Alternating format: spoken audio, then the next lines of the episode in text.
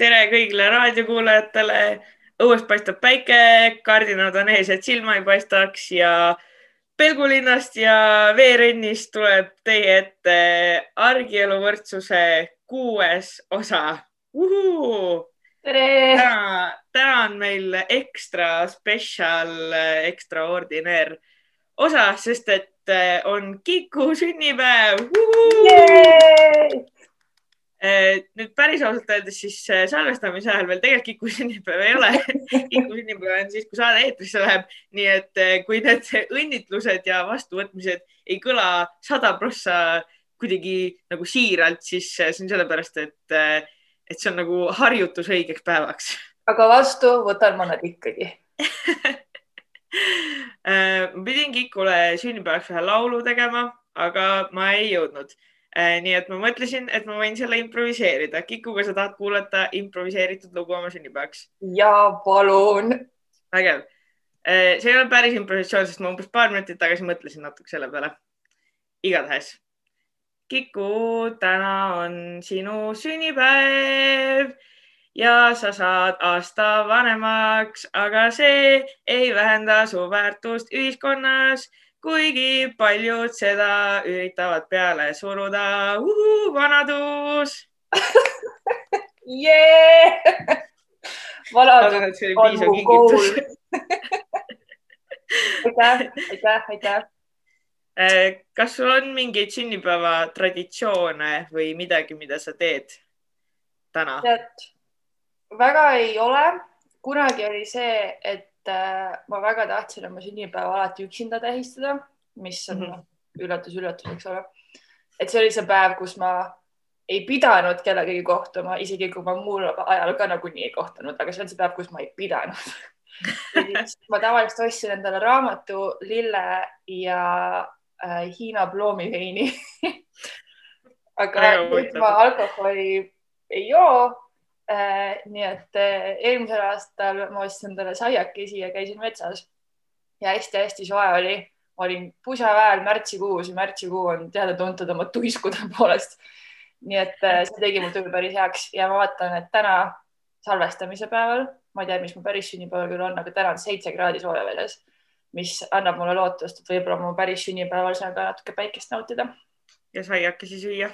ja saiakesi süüa vägev. Äh, tegelikult peale sinu sünnipäeva on meil veel teemasid tänases saates. tõepoolest. Äh, siis see lõviosa saatest äh, on nagu ikka intervjuu ja täna me räägime seksuaalsusest, selle arengust, kõigest sellega seonduvast.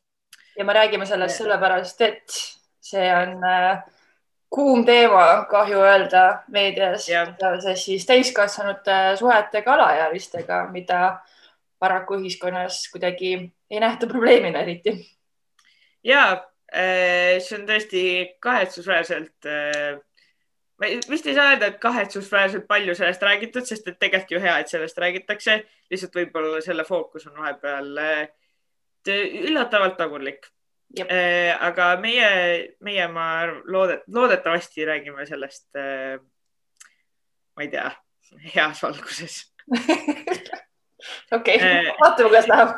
jah, äh, aga enne veel äh, mingeid suuremaid uudiseid. mulle tundub, et äh, ei ole nagu arutada, sest et poliitiline maastik on viimasel ajal väga vaikne olnud Äh, ilmselgetel põhjustel. Äh, nii et mõtlesime, et räägime lihtsalt, kuidas meil läheb, äh, meil kui ühingul kogu selles kriisis ja veidras olukorras. aga ka meil kui inimestel. jah, jah, seda ka no kuidas sul läheb?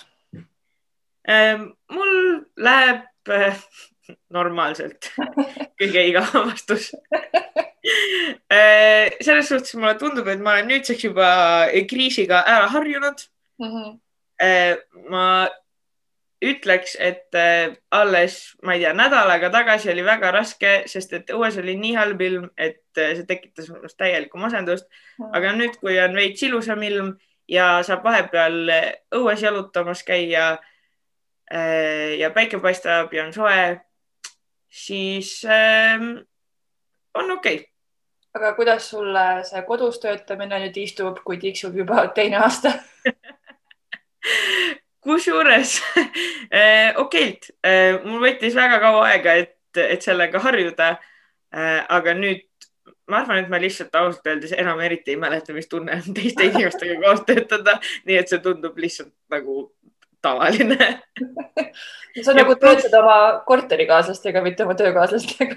jah, täpselt, et ma just tahtsin öelda, et, et ma küll noh, töö ajal olen üksinda, aga kuna mu korterikaaslased nüüd ka äh, mitte kogu aeg, aga vaheldumisi teevad kodukontorit, et et siis mul on keegi siin veel nagu, et kui ma vahepeal tahan paar sõna juttu kellegi rääkida, siis, siis ma saan seda teha nagu, et uh, it's not so bad.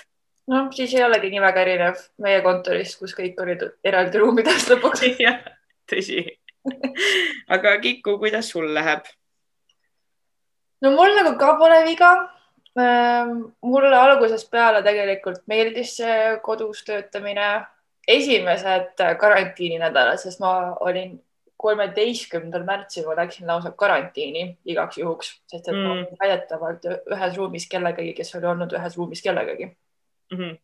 ja võin öelda, et see esimene nädal oli lausa ekstaatiline ma õppisin jalutamas käima, ma tegin joogat, ma hakkasin banaanileiba tegema, ma sain rahulikult olla, mul ei olnud ärevust, mul oli nii hea oota, oota, kas me räägime nüüd eelmisest kevadest või sellest kevadest?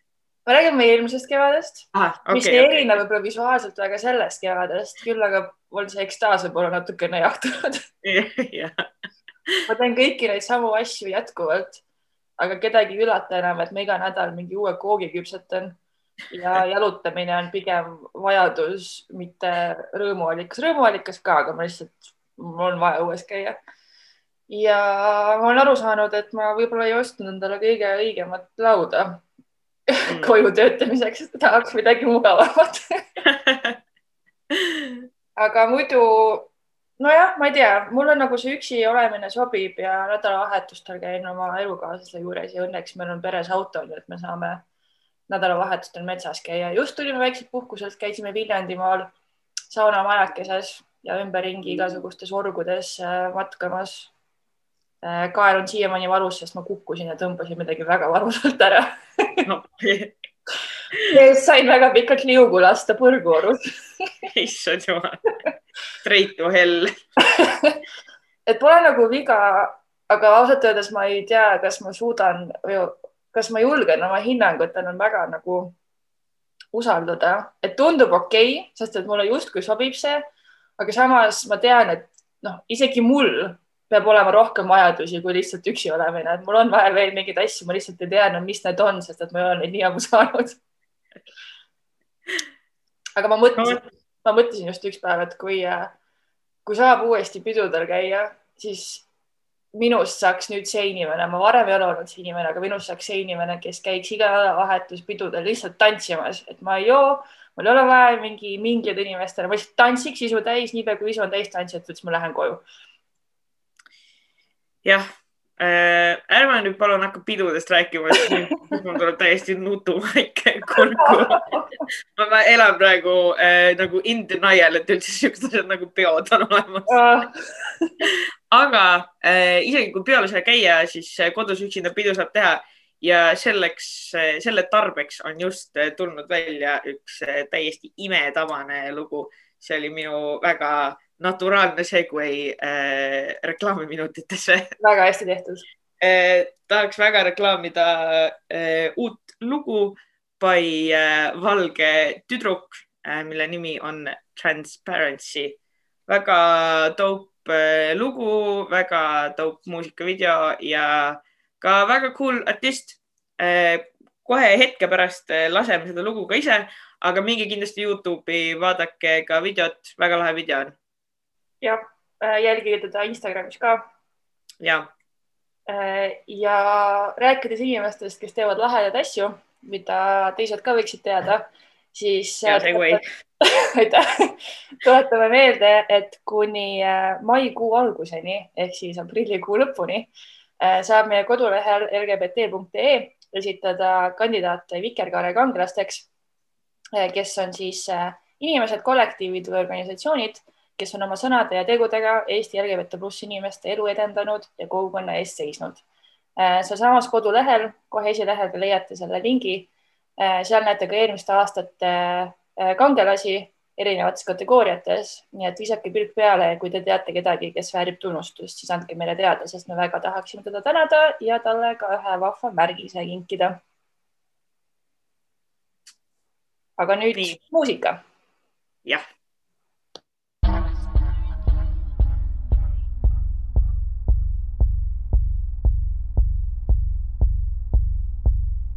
Inspiration from Russian Federation. Discrimination. Orientation into identification. Demonstration. Transpiration. Transpiration. Transpiration. Trans.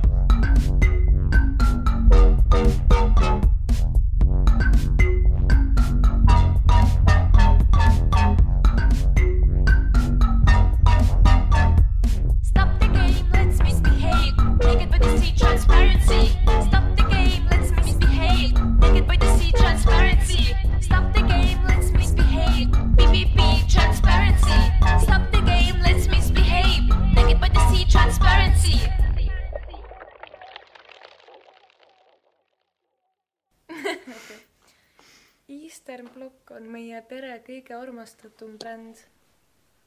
ja tere tulemast tagasi meie saatesse. meiega on liitunud Kristina Pirk-Vellemaa eh, Eesti Seksuaaltervise Liidust.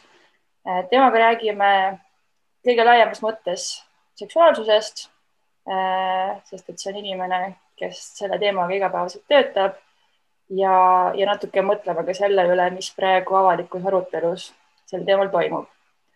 aga alustame siis algusest. Kristina, tutvusta äkki ennast natukene, kes sa oled ja millega sa seal äh, liidus tegeled? Ehm, ma olen Eesti Seksuaaltervise Liidu koolitaja, ekspert ja koolitusjuht ka ehk siis tähendab, ma ei tea, kas ka et need, need rollid on hästi palju segunenud omavahel. Äh, ja liidus ma tegelengi peamiselt koolituste korraldamisega mm, ja koolitamisega ja see eksperdi roll, see tähendab seda, et, et et annan ka mingisuguseid ekspertpanuseid äh, materjalide koostamisse või mingisuguste arvamuste kujundamisse. ja, ja noh, väliskoolitusi oleme me ka omajagu teinud Moldovas, Kasahstanis, Kõrgõzstanis, et seal on ka selline eksperdi lisapanus nende jaoks hästi oluline. just nimelt, et nende mingisuguseid strateegilisi noh, ma ei tea, dokumente, lähenemisi üle vaadata või anda soovitusi just nimelt mingite koolitusstrateegiate väljatöötamiseks või õppekavade osas. et see on see eksperdi killuke siis sellest tööst. ja kaua sa seda tööd teinud oled? Oi-oi, koolitaja olen ma olnud umbes aastast tuhat üheksasada seitse kui täpsem olla, siis üheksakümmend üheksa. jah, äh, ma läksin õppima noorsootööd aastal üheksakümmend seitse ja aastal üheksakümmend üheksa ma valisin oma praktikakohaks tolleaegse Eesti Pereplaneerimise Liidu, mis nüüd on Seksuaaltervise Liit. ja siis äh, me õppisime seal välja koolitajateks, esmalt küll Äh, nii-öelda noorelt noore, noorele äh, koolitajateks ja sealt edasi on see kasvanud. ma küll äh, nii-öelda põhitöökohana ei ole olnud seotud liiduga kogu see aeg. põhitöökoht on mul liidus alates appi kaks tuhat viisteist, jah, kuus aastat saab nüüd aprillis täis et koolitajatööd on ikka väga pikalt tehtud, aga seda koolitusjuhi tööd liidus või projektijuht, koolitusjuht, ähm, et seda on jah, kuus aastat nüüd umbes. Vau, tundub, et sul on suur kogemus sellel teemal, et, et sind võib usaldada noh, ma ei tea, selle teemaga on lood sellised, et mida kauem sa sellega tegeled, seda rohkem sa tegelikult saad aru, kui palju sul on veel vaja õppida, teada saada, mõista, kui sügav ja kui lai see teema on. ja me sellise nii-öelda musta naljana teeme omavahel noh, ka koolitajad või need inimesed, kes on nagu väga pikalt olnud teemas sees et Jever Jever aastal üheksakümmend üheksa oli lihtne koolitada, et näed, et me räägime homoseksuaalsusest, biseksuaalsusest ja heteroseksuaalsusest, et kui sa tänapäeval hakkad mitmekesisusest rääkima, siis äh, noh, hea küll, sinna biseksuaalsuseni äh, on veel eriti täiskasvanud, noored on vuh, hästi teadlikud. Mitte küll kõik, aga väga palju nad saavad ju oma infot väga erinevatest allikatest ja ka kogukonnast ja blogeritest ja blogidest ja ja ka Tiktokist näiteks. aga kui me täiskasvanutega räägime, lapsevanematega või koolita- või, või õpetajatega, koolitöötajatega või teiste spetsialistidega, kes tegelevad laste ja noortega, siis sealt biseksuaalsusest edasi läheb sihuke vau, vau, vau, vau, vau, vau, vau aga mitte sellepärast, et ah, ma enam ei, ei, ei, ei ole nõus selle mitmekesisuse laienemisega, vaid see, et ma ei suuda seda infot nagu korraga hallata, et siis tulebki nagu tasapisi tilgutada. aga jah, see pikk kogemus tähendab ka seda, et, et on seda iseendaga tööd hästi palju ja eks segadust ka vahel. aga kui me proovime siia segadusse natuke mingit selgust tuua, et siis eh, kõige algusest alustades kuidas üldse kujuneb ühe inimese seksuaalsus? mida küsimus ja kuidas kujuneb inimese seksuaalsus? inimese seksuaalsust kujundavad hästi erinevad tegurid tegelikult, aga äh, lihtsalt öeldes me oleme seksuaalsed, me lihtsalt olemegi seksuaalsed olendid äh, sünnist surmani või ka enne sündi juba, siis kui me oleme äh, oleme nii-öelda küpsemas ja valmimas, lihtsalt selle seksuaalsuse kogemine ja väljendamine on väga-väga erinev. Mm, ja äh, ma ei tea, jah, jälle, mida kauem ma nende teemadega tegelen või töötan, seda rohkem ma armastangi rõhutada seda, et äh, et vaatamata sellele, et me oleme kõik seksuaalsed olendid, oleme me kõik erinevad seksuaalsed olendid, et, et seksuaalsuses sellist asja nagu üks ja ainus norm ei olegi. Ja me ka kujuneme väga erinevalt, meid kujundavad väga-väga noh, erinevad ma ei tea, mõjutajad, meie pere, meie vanemad, geenid äh,, igasugune muu sotsiaalne mull, milles me oleme ja liigume, meedia. et ja, ja kuna seksuaalsus on ju, on seksuaalsuse ees on ju ka väga mitmeid äh, selliseid noh, nüansse või aspekte, et me räägime nii bioloogilistest teguritest, sotsiaalsetest teguritest, psühholoogilised tegurid, äh, noh, kus üks algab ja teine lõpeb, on iseküsimus, eks ju. et siis äh, jah, eks me selle kõige mõjul kujunemegi selliseks, nagu, nagu me oleme ja me ei lõpeta mitte kunagi kujunemist, inimene kujuneb kogu oma elu jooksul tegelikult ja äh, millal siis see kujunemine algab, sest mulle tundub, et, et mõndadel inimesed, mõned inimesed arvavad, et see algab umbes siis, kui sa neliteist saad ja esimest märgu unenägu näed, et sealt algab seksuaalsus, aga kust see tegelikult alguse saab? ähm,? jälle ma lähen nagu koolitussituatsiooni sisse, kui ma noh, hästi palju koolitan lapsevanemaid viimasel ajal mis on hästi tore, mul on väga hea meel, et see huvi on äh, hästi niimoodi tõusujoones läinud, on see, et me äh, seksuaalsuse kujundamisega, noh, ega me seal nii-öelda ema üsas seda nii väga ei kujunda või seda seksuaalset minapilti. Äh, aga sellega, kuidas me mõjutame või selle, selle iseenda poolse kujundamisega, me alustame juba enne, kui me lapsega rääkima hakkame tegelikult või no mis rääkima hakkame, enne kui me rääkides seksuaalkasvatusega tegeleme, see algab sellest, äh, kuidas me pakume lapsele lähedus, äh, läheduskogemust, turvatunnet, kas me reageerime tema nii-öelda appihüüule või tema nutule, kas ta saab piisavalt silitusi, paitusi. Ja see on päris, päris pisikesest sünnist alates juba ja noh, kui me räägime sellest, et, et kui laps hakkab nagu mõistma sõnu mm, eh, siis kardetakse, miks kardavad paljud täiskasvanud seksuaalkasvatust näiteks lasteaias on see, et nad kuulevad, et seal on sõna seks ja see on juba, juba laetud. aga kui me räägime seksuaalsusest, siis see ongi väga-väga lai mõiste ja väga-väga äh, lai nähtus, ja mis koosneb ka väga-väga erinevatest nii-öelda üksiknähtustest või pisikestest nähtustest.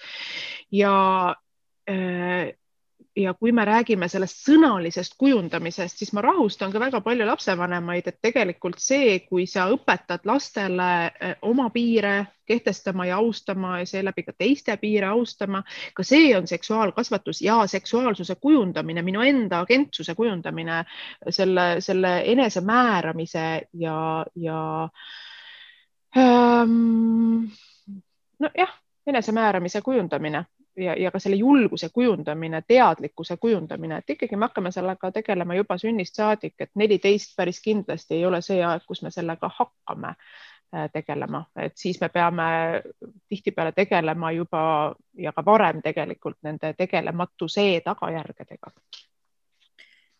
kas, kas heteroseksuaalsuse kujunemine erineb kuidagi teiste seksuaalsete orientatsioonide kujunemisest või, või see protsess on sarnane? uh, see on küll hea küsimus, sellele ei ole isegi teadlased ühtset vastust, ma arvan, et, et kätte saanud. jään vastuse võlgu, õigemini ma jään vastuse võlgu sellepärast, et aeg on liiga lühike mm. -hmm. aga, aga mm, jah, kui me räägime seksuaalsest sättumusest, siis äh, teadlased on inimeste ajusid uurinud ja toonud välja mingisuguseid erisusi, aga samas jälle ma ütlen, et ma ei tahaks sinna väga-väga süvitsi minna, sest et, et ka siin ei ole ühtset kokkulepet või ühtset arusaama, kuidas need asjad on. ja kuna äh, ma olen lisaks kõigele ka poolel teel antropoloogiks saamisel, äh, siis läheb see teema veel keerulisemaks ja veel mitmetahulisemaks. et äh, jah ütleme siis niimoodi, et ma jään ühtse vastuse võlgu, et kas heteroseksuaalsus kujuneb teistmoodi välja kui, kui muud seksuaalsed äh, identiteedid äh,. äh kui ma ütlen seda, et seksuaalsuse kujunemist mõjutavad väga paljud äh, erinevad aspektid, siis kindlasti heteroseksuaalsusel on palju rohkem luba välja kujuneda et mm. siin on see väga-väga oluline äh, märksõna, et jah, kui me läheme geneetikasse ja, ja bioloogilistesse, bioloogilistesse faktoritesse, siis seal tõepoolest ähm, noh, ma pigem hoiaks oma suu kinni. aga just nimelt see, mis puudutab äh, seda, mis tuleb ühiskonnast, seda, mis tuleb meie väikesest mullist, siit kogukonnast äh,, seda, mis tuleb meediast seda, mis tuleb koolist. Ja, ja kui, ja kui ma alguses ütlesin, et seksuaalsuse kujunemisel on väga erinevad rollid, siis jah, see on kindlasti kõnekas, mida me äh, noh, nii-öelda normina näeme, mida me normina käsitleme. Ja, ja kas me näeme seksuaalset mitmekesisust kui, äh, kui üldse sellist laia normaalsust, noh, kui ma ise räägin jälle äh, seksuaalsest identiteedist näiteks koolituste raames ka või lihtsalt äh, arutleme äh, nendel teemadel koolituste väliselt, siis ma paigutan ka heteroseksuaalsuse sinna seksuaalse mitmekesisuse sisse, sest ka het kahte heteroseksuaalset inimest, kes oleks ühesugused, ei ole olemas.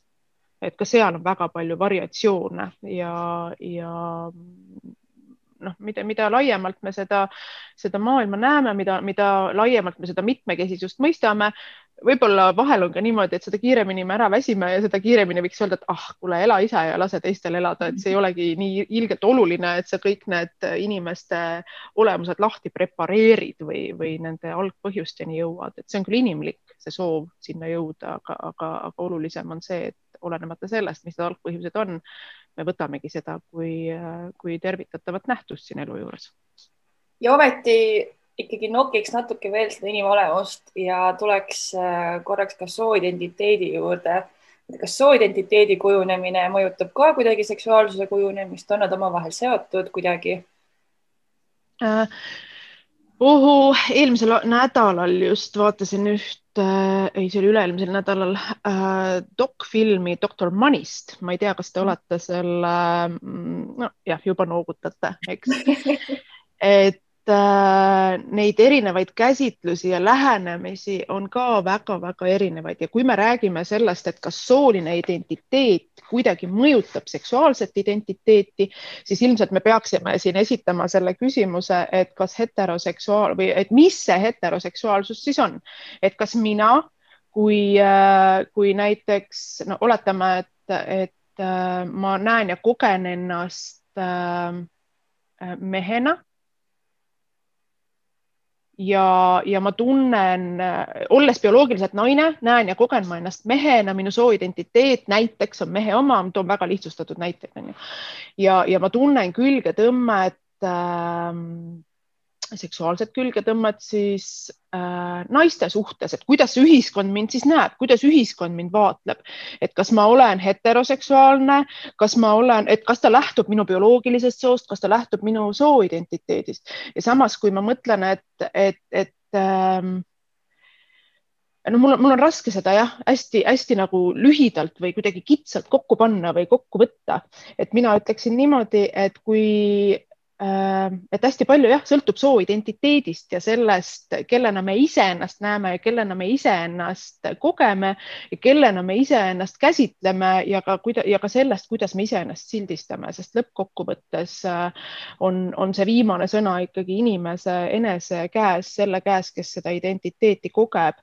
et kui me noortega hästi palju räägime ähm, noh, mis, mis on ka hästi-hästi tore tegelikult on, on see, et aegade jooksul ma olen nii pikalt koolitanud, et ma näen seda noorte avatust, mis ei ole ka iseenesestmõistetav, et see on väga erinev klassiti, see on väga erinev ka, ka piirkonniti kohati, mitte alati. Äh, siis noorte jaoks on, on, on tihti õhus see küsimus, et mis me üldse nendest siltidest räägime et, et miks see, miks see sooidentiteedi teema ja miks see seksuaalse identiteedi teema, et, et miks me nagu silte laome niimoodi inimestele? Ja ma ise olen jõudnud selleni tegelikult, et need väljastpoolt laotavad sildid ei olegi määravad, aga kui inimene ise vajab silti iseenda jaoks selleks, et määrata või tunnetada või kogeda või, või kuhugi kuuluda siis äh, nii-öelda väljaspool seisva inimese asi ongi seda, seda aktsepteerida, seda tervitada, seda võtta kui, kui midagi, mis, mis on inimese õigus.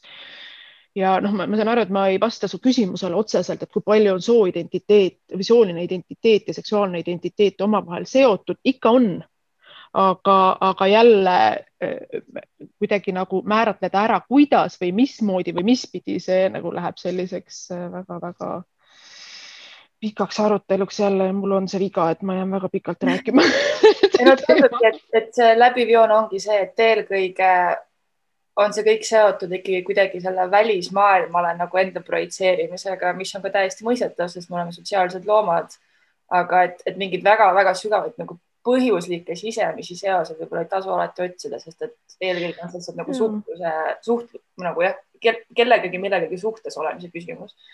ja, ja ma mõtlen ka sooidentiteedi kohta näiteks, et kui mina, ma olen äh, cis-sooline heteroseksuaalne naine ja ma olen ennast alati kogenud äh, naise ja tüdrukuna ja, ja mida aastaid edasi, seda enam ma hakkan mõtlema, aga mida see tähendab, et ma kogen ennast naise ja tüdrukuna, et kui ma elaksin üksinda keset metsa, et kas ma siis ütleksin samamoodi, et ma kogen ennast naise ja tüdrukuna, kas ma siis üldse teaks, mida tähendab kogeda ennast naise ja tüdrukuna, et see on ju väga-väga äh, sotsiaalsusest ja, ja ühiskonnast äh, lähtuv, see, kuidas me peaksime ennast kogema naise ja tüdrukuna, kui me räägime identiteedist, eks ju, ja, ja, ja enese tunnetamisest ja kogemisest.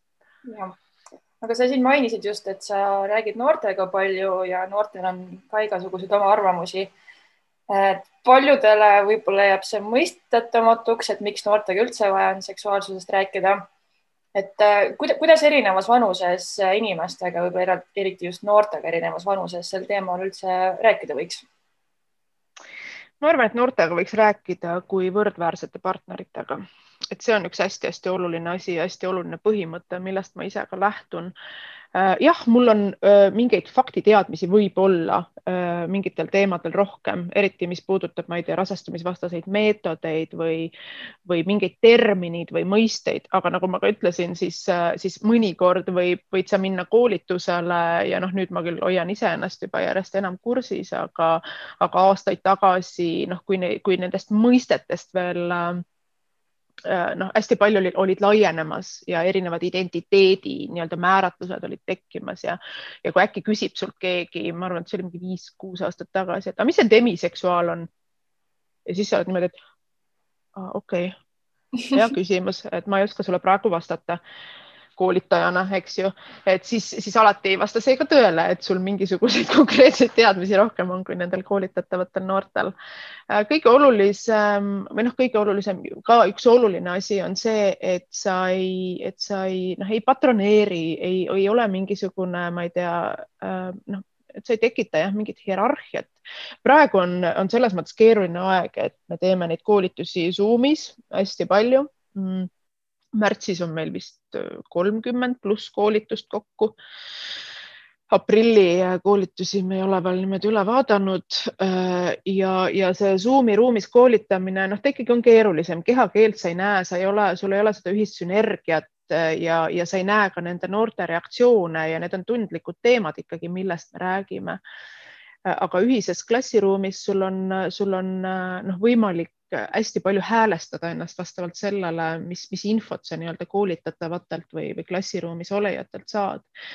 Ähm, loomulikult tuleb igas eas või igas vanuseastmes noortega rääkida selles mõttes veidikene erinevalt, et nende teadmised ja nende kogemused on juba väga erinevad, et kui sa räägid gümnaasiumiastmes noortega, paljudel võivad juba olla seksuaalkogemused või ka esimene seksuaalvahekord, sest ega seksuaalkogemus ei tähenda ilmtingimata vahekorda, eks ju et jälle me kipume kuidagi väga ühte, ühte suunda selles, selles teemas minema. ja, ja samas, et kui ma räägin näiteks neljandikega, noh, minu keha ja minu piirid, et noh, need, need, need natukene on ikkagi erinevad, need käsitlused, et seal tuleb kindlasti valida vastavalt vanuseastmele jah, ja ma arvan küll, et see, et see, et ma võtan neid kui vestluspartnereid, et see on kui vestlus, see on minu jaoks üks hästi-hästi oluline põhimõte.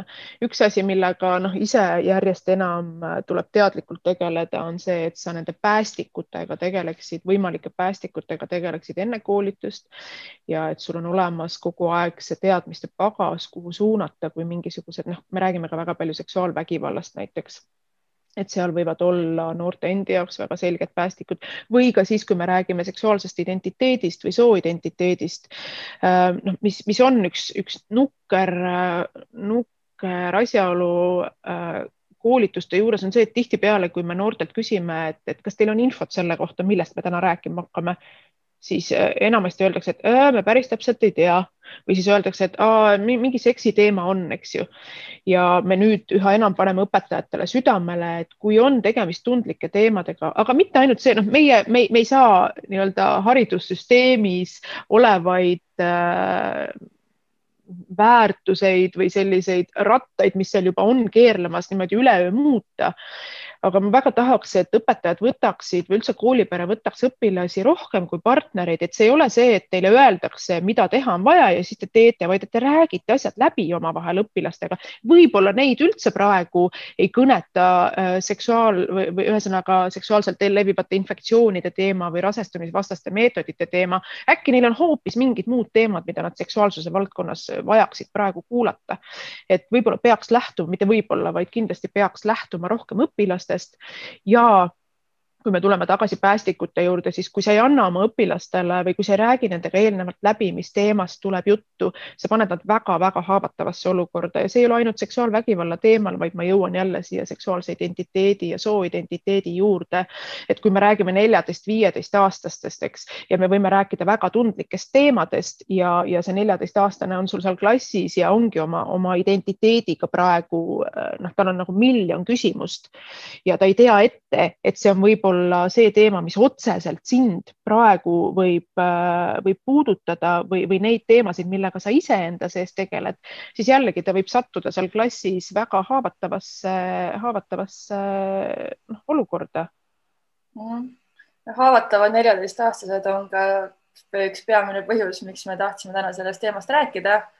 et äh, ilmselgelt avalik arutelu on praegu tuure sisse võtnud seoses sellega, et täiskasvanud inimesed peavad normaalseks nende neljateistaastaste lastega suhtes olles, aga seksuaalsuhtes. et äh, milline sinu pilgu läbi praeguse avalik arutelu on, mida ja mida ja kuidas selles äh, muuta tuleks?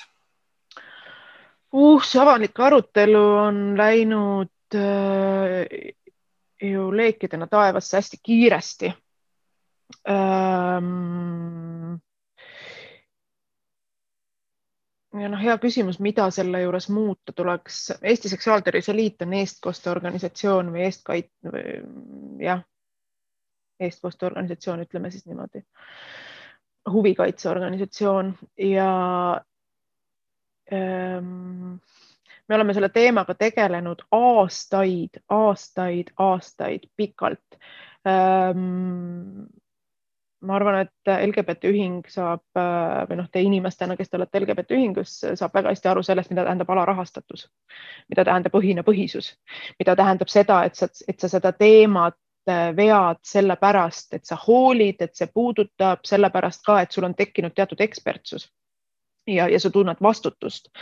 ja, ja samas, mida me praeguses arutelus tunneme, on see, et Eh, noh, arutelu on läinud ministeeriumide tasandile ilmselt, et väga ootaks, et, et me tunneks seda kaasatust. et see ei oleks see, et me siin ministeeriumides nüüd arutame ja millalgi anname ka teile teada, et jõu, tulge paati. et see, et, et, et see peaks käima ikkagi äh, kuidagi nagu pikema sammuga mm, ja et ei oleks ka seda kogemust või seda, seda sellist, noh, ma ütlen, see on niisugune natukene kõhutunne, aga, aga et et, et me siin võib-olla teame ministeeriumis natukene paremini ja vaatame, et võib-olla me siis kaasame teid ka, et seda kindlasti noh, tuleks vältida just nimelt sellepärast ka, et kodanikuühiskonnas on see, see võimekus ja, ja teadmine ja, ja nii-öelda platsitöö kogemus ka olemas um,. mida veel muuta? Noh, ma ütlen, et seda infot on nagu mega palju tulnud, et, et, et ma ei suuda seda ka ise inimesena, kes töötab nende teemadega päevast päeva nagu korraga ära hallata, et jälle mingi asi ja jälle mingi asi ähm,. rohkem peaks jällegi selgitama inimestele seda, et see, et, et teemaks ei ole teismeliste omavaheline seksuaalsuhe ega selle reguleerimine. et et kellelgi ei ole soovi näiteks tõsta äh, enesemääramise iga kuueteistkümnendale eluaastale ja siis hakata kriminaalkaristama või kriminaalkorras karistama kaheksateistaastaseid, kes on suhtes viieteistaastastega, eks ju. et seal on ka selline mm, äh, noh, ma ei tea juriidilise tehnoloogia küsimus, kuidas siis nagu sätestatakse ära, ma ei tea, erinevad vanusevahed või on see maksimumvanusevahe viis aastat või erinevates riikides on see erinevalt, näiteks Kanadas on äh, minu mälu järgi niimoodi, et kui on tegemist kaheteist, kolmeteist aastasega, siis võib see maksimaalne vanusevahe olla äh, kaks aastat. Ja sealt vanemate puhul neliteist, viisteist, seal me räägime, vist oli maksimaalne vanusevahe viis aastat. Et noh, siin on ka erisused, eks ole, mida on võimalik teha. Ehm, ja, ja mida avalikus äh, arutelus kindlasti peaks jälgima, on see, et minister, kes sellel teemal sõna võtab, ikkagi teaks, millest ta räägib, sest see on niivõrd tundlik teema ja kui sa ütled valdkonna juhina, tippjuhina, et mulle on öeldud või ma päris täpselt ei tea või mulle tundub, et kui sealt see empaatia link ka puudub, äh, siis, äh, siis see on väga suur probleem, et siin sellega peaks ka kindlasti tegelema äh, ka, selle oskusega, kuidas tundlikke teemasid käsitleda ka poliitikute poolt. me teame, et Eesti Seksuaaltervise Liit on üks noh, kogu selle teema eestvedajaid Äh, Eestis ja noh, tegelikult ongi selle eestvedaja, aga kas on, kas on veel mingeid organisatsioone, kes, äh, kes selle teemaga aktiivselt äh, tegelevad? no rahvusvaheliselt suured kindlasti IPPF ehk siis Rahvusvaheline Pereplaneerimise Föderatsioon äh,, aga ta ei ole, noh, kuna see on väga äh,, kuidas ma ütlen äh,, riigiti ju erinev, siis on ikkagi igas riigis erinevad äh, nii-öelda meietaolised organisatsioonid, kes siis vastavalt vajadusele selle teemaga tegelevad, olenevalt siis riigist, eks ju, üle maailma on äh, seksuaalse enesemääramise iga väga-väga erinev ja ka meil on siin inimesi, kes ütlevad ju, et see võiks olla kaheksateist, noh. Ähm, need on küll, ütleme siis niimoodi, et eraisikud, et me ei ole siiani õnneks näinud, et mõne, mõne organisatsiooni poolt see seisukoht tuleb ja õnneks ka sellepärast, et siin tuleb ka selliseid noh, ütleme niimoodi, et mõistlikke piire kaaluda ja, ja mõelda sellele, et millest me jällegi räägime. Et ja on ka inimesi, kes näevad seda, et seksuaalse enesemääramise vanus võiks tähendada seda, millal üldse noor võib seksuaalsuhet alustada, noh, see, see ka ei ole see lähenemine, mida meie näeme või millega meie tegeleme, et me ei, ei sea kellelegi ette seda, mis vanuses sina tohid alustada seksuaalelu, me lihtsalt soovime kaitsta äh, lapsi ja noori äh, väärkohtlemise ja ärakasutamise ja manipulatsiooni eest ja paraku seadus on üks oluline võimalus seda teha. ma arvan, et selle vestluse käigus ja üldse selle avaliku arutelu käigus, mis on viimastel nädalatel olnud me oleme kõik aru saanud, et see on üks hästi keeruline teema ja midagi, mis nagu paneb inimesi põle, nagu põlema ja tekitab äh, vastakaid tundeid. et miks sa oled üldse nagu ise valinud nii keerulise teema, millele oma elu pühendada? sest ma olen keeruline inimene tegelikult ei ole, ma keeruline inimene, ma arvan, et ma olen inimene nagu iga teine oma, oma kiiksude ja, ja oma selliste väga tavapäraste inimlike omadustega, aga see on hea küsimus, jah. ma olen oma loomult kindlasti maailma parandaja mm,. ja, ja ma olen jah, kuidagi mul, mul ütleme niimoodi, et noorsootööd õppides see on mu elu üks, üks suurimaid nii-öelda bingovõite.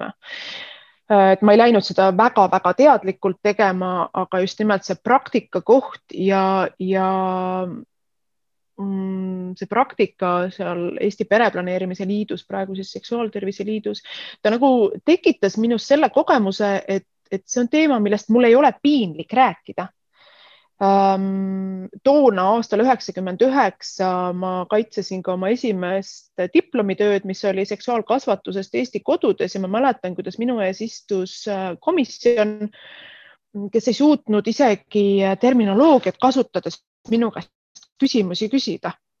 see oli nii kummaline kogemus minu jaoks ja samas ka ei olnud kummaline kogemus, sest et ma olen ka ju tulnud perekonnast, kus seksuaalkasvatus ei ole olnud äh, selline teadlik kasvatuse osa, ehkki me tegeleme seksuaalkasvatusega ka siis, kui me ei tegele kasvatusega, kui lihtsalt need sõnumid on äraspidised, mida me saame, eks ole, ja need väärtused.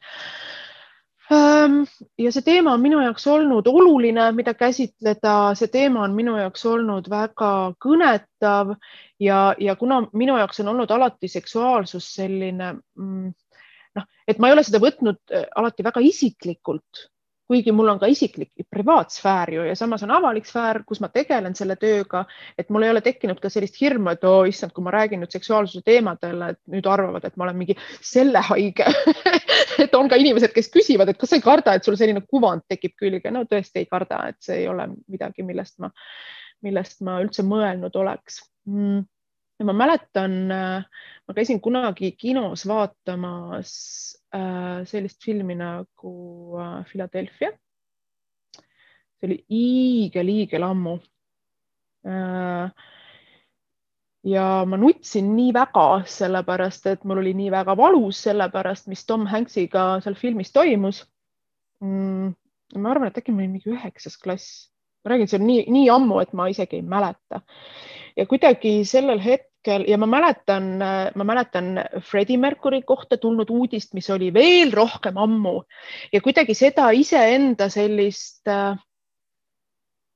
et see ei tekitanud minus üldse küsimust, et mis mõttes keegi mees seksib meestega. Ja samas ma nagu mäletan seda, et, et ühiskonnas on olnud selline vihafoon ja arusaamatuse foon ja, ja ka perekonnas ja ma ei tea, suguvõsas ja, ja, ja ma olen alati sellele nagu tahtnud vastu seista äh, ka sellepärast, et äh, ja mitte ainult sellepärast, et ma olen maailma parandaja puht ähm, mitte egoistlikel põhjustel või, või et ma oleks äh, altruist puhtalt, ei ole.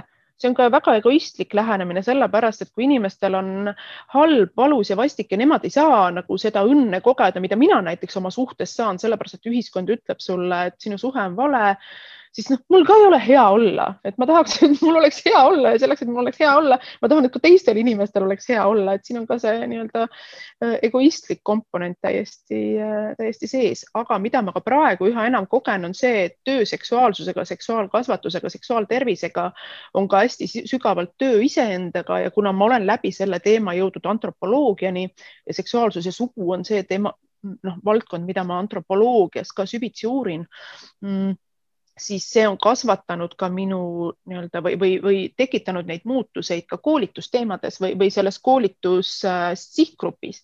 et äh, ühelt poolt ma tegelesin ainult noortega, siis ma hakkasin tegelema õpetajatega, kui ma ise noorsootöötajaks äh, või noorsootöötajana olin pikemalt tegelenud ja õpetajana, et mul on alati olnud oluline see, et mul oleks juures see praktiline kogemus, mille baasilt ka rääkida. kui ma sain lapsevanemaks, siis tulid koolitused lapsevanematele juurde ja praegu millega ma üha enam tahan tegeleda, on see vanussurve või ageism seoses seksuaalsusega, seksuaalse äh, agentsusega või seksuaalse eneseväljendamisega, enesemääramisega, eriti mis puutub naistesse.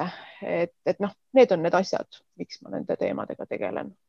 miljon põhjust ma arvan, et me võiksime sellest teemast rääkida no, kolm päeva jutti, sest et see on meile kõigile oluline aga kahjuks saateaeg on ülike. Äh, ehk siis suur aitäh sulle, Kristina, äh, et sa tulid meiega rääkima endale olulisest teemast, natuke ka endast. et ma arvan, et me kõik saime siit uusi, uusi teadmisi täna ja äh,, aga siis äh, sellise mõistliku jutu lõpetuseks üks natukene mitte nii mõistlik mäng ähm, sina, Kristina ja Eva-Marta olete mängijad, mina olen mängmeister. Äh, ma annan teile äh, küsimuseks siis kas A või B ja siis sa pead kohe ütlema, mitte mõtlema. rohkem sobib. Äh, väiteid või küsimusi on viis, nii et läheb lahti. kas sa pigem teeks aasta aega iga päev täpselt sama koolitust või ei koolitaks enam mitte kunagi? Äh, A. ma ka. Aasta aega iga päev sama koolitust, see on ülihea, sa saad aasta lõpuks täiesti perfektse koolituse, mille sa saad eelmiseni välja timmida. ei saa, sa pead iga, sa pead täpselt samamoodi tegema okay.. ja minu jaoks on jah see perspektiiv, et ma üldse ei saa enam koolitada väga-väga kurb, et noh, pigem ma siis lep, lepin selle A-ga, kuigi see on horror. Selge järgmine. Äh, kas sa pigem peaksid keerulise vestluse seksuaalsusest lapsega või sinust oluliselt vanema inimesega? see pole aus, ma peaks mõle, mõlema inimesega neid vestluseid, aga, aga siin on üks märksõna keerulise. Ma ütleks, et täiskasvanud inimestega või minust oluliselt vanemate inimestega on äh, neid teemasid isegi keerulisem käsitleda ja kuna minust oluliselt vanemad inimesed on selles valdkonnas äh, vägagi teadmistest ilma jäetud, siis ma pigem praegu keskenduksin minust oluliselt vanematele inimestele. kas ma saan nüüd viie? hea vastus no kuna mul on äh, palju rohkem kogemust äh, lastega rääkimises kui äh, vanainimestega, siis ma ütlen lapsed. selge, nii, siis üks koroonavaidiga küsimus, banaanileib või hapusai oh! ma ei jaksa enam kodus süüa teha, ma tegin küll alguses leiba õudselt, aga praegu on paraku äh, leiburi rukkipala, nii et take it or leave it. kas sa tahaksid ise kirjutada oma autobiograafia või lasta endast teha mängufilm? Äh,. kindel B isiklik tandepõrgu, kuhu ma peaksin raamatu kirjutama endast. kas sa tead? mulle kirjutada mängida? õudselt meeldib, nii et A ja vaata, kes sind mängida võiks. mind või? jah ma ei tea, ma ei oska praegu öelda. Äh, Hollywoodis on liiga vähe pakse näitlejaid, et, et, et kedagi nende hulgast valida. siis peab mujalt otsima. viimane küsimus. kui aktivismiga saaks rikkaks, kas sa teeksid selle raha eest veel rohkem aktivismi või läheksid mugavale pensionile ähm,? A, aga ma laseksin selle raha eest teistel inimestel rohkem aktivismi teha äh, cheat in ja ütlen, teeks enne A, siis B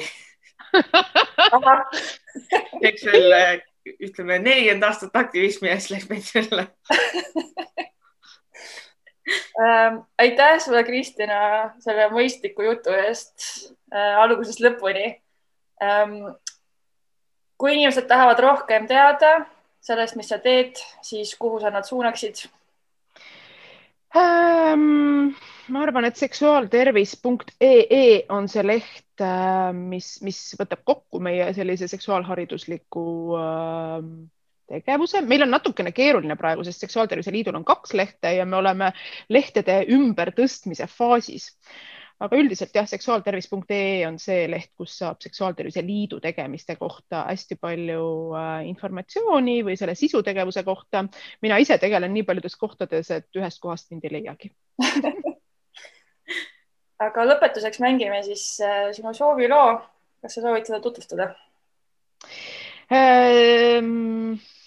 Sa jälle annad mulle sõna, mis ei ole väga hea mõte, aga see on Zemfira ja Zemfira on üks minu väga-väga ammuseid lemmikuid, sest ta on nii hoomamatu, ta on tegelikult tõlkimatu ja samas ta on, ta on nii tunnetatav, vähemalt minu jaoks.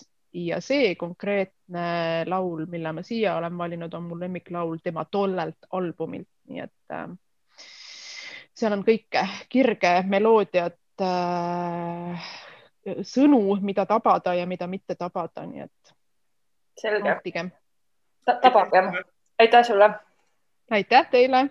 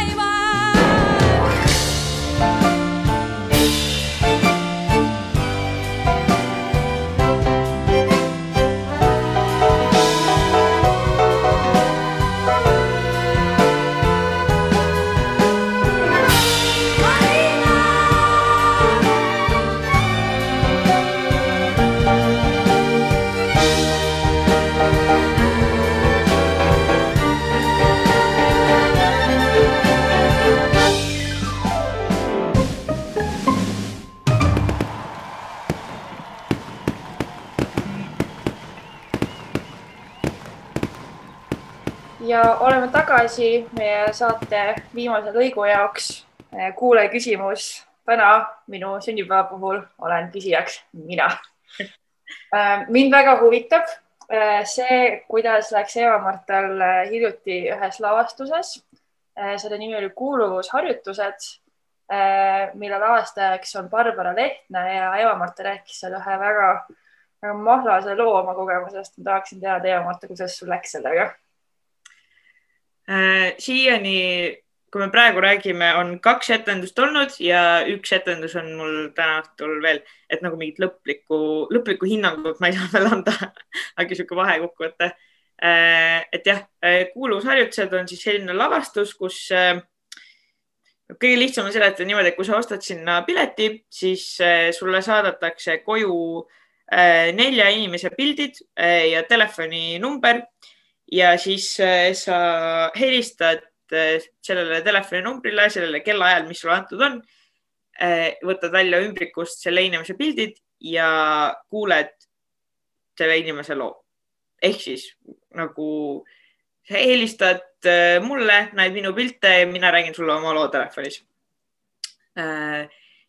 ja noh, kes on etendusele pileti ostnud, nemad kuulevad siis ühe õhtu jooksul neli lugu aga meie, kes me siis oleme nagu näitlejad, äh, meil on ühe ette, ühe õhtu jooksul kolm etendust ehk siis ma räägin ühe õhtu jooksul äh, kaksteist korda ühte ja sama lugu läbi.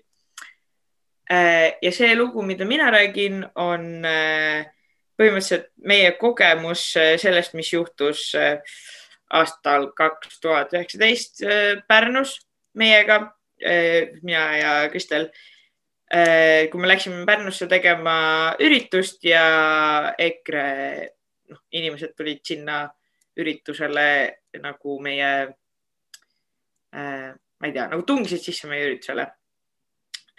sa oled tegelikult meil ju kodulehel kirjutanud ka. ja, ja jälestus Pärnus oli selle pealkiri, kui ma ei eksi, nii et võib lugema minna. ja Äh, aga igatahes see lugu iseenesest oli mulle hästi nagu raske, et äh, see, äh, see nagu olukord mõjus mulle väga nagu üllatavalt hullusti. et mul oli nagu päris trauma sellest ja noh, igatahes see umbes, ma ei tea, aasta aega mõjutas väga sügavalt mu elu ja ma ei tahtnud sellest üldse rääkida. Eh, ja siis nüüd sellest olukorrast, millest ma ei ole tahtnud poolteist aastat üldse rääkida, rääkida kaksteist korda järjest eh, kolmel õhtul ähm,. on kogemus ähm,. palun kirjelda seda kogemust, kas see on aidanud sul kuidagi see läbi töödelda või, või on lihtsalt juba kopp ees sellest? Äh, ei, see on kindlasti aidanud, see on nagu mingi omaette selline nagu veider teraapiavorm, et see on aidanud mul väga seda üritust nagu protsessida ja sellest äh, aru saada, et mida ma selle osas nagu tunnen või natuke ka sellest nagu lahti lasta.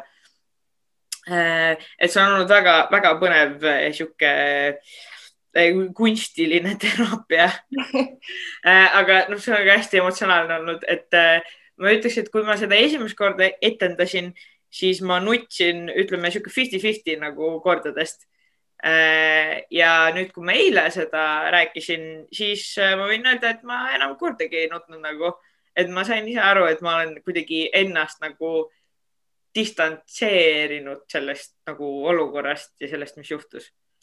Samas, kui ikkagi telefonis hakkab võõra inimese hääl värelema, siis see ikkagi mõjub päris kõvasti no ma tahaks, tahaks loota ja, et tegelikult see nagu põhjus, miks, miks ma üldse olin valmis või miks ma tahtsin seda lugu rääkida, noh, et, et see ei ole nagu mingi edevuse thing, sest ma nagu tõesti, tõesti ei taha sellest üldse rääkida või noh, enne ei tahtnud sellest üldse rääkida.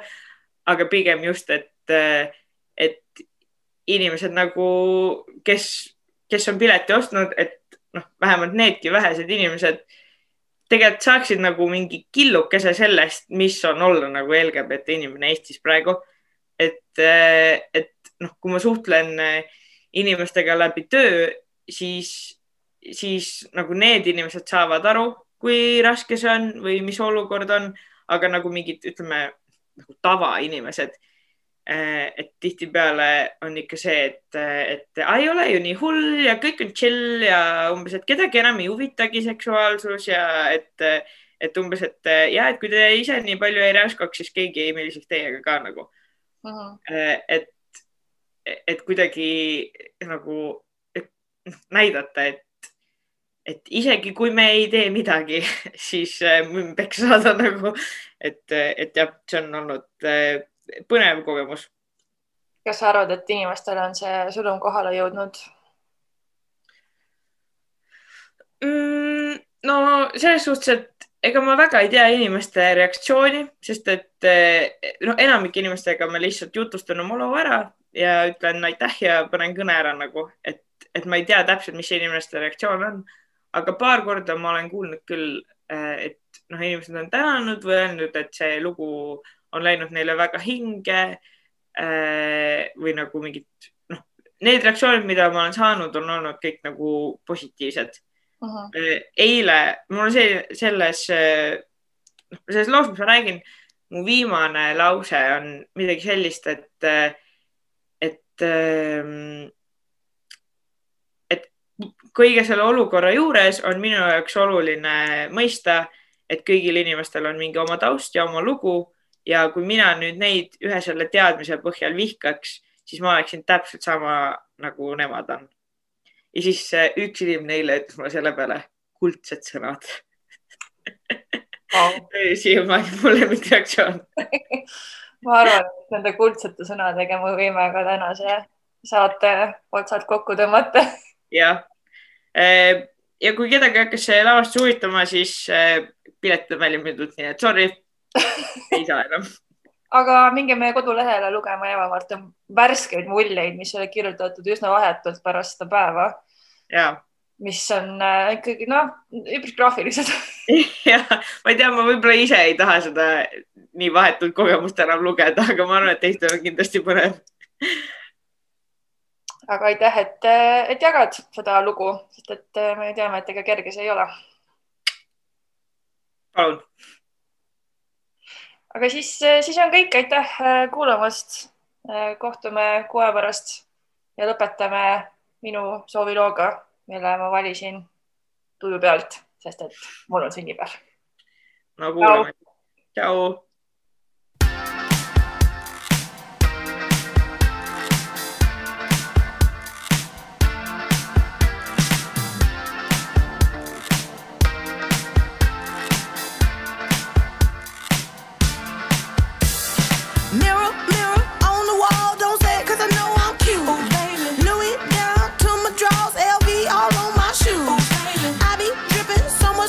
got a bed looking like red goo.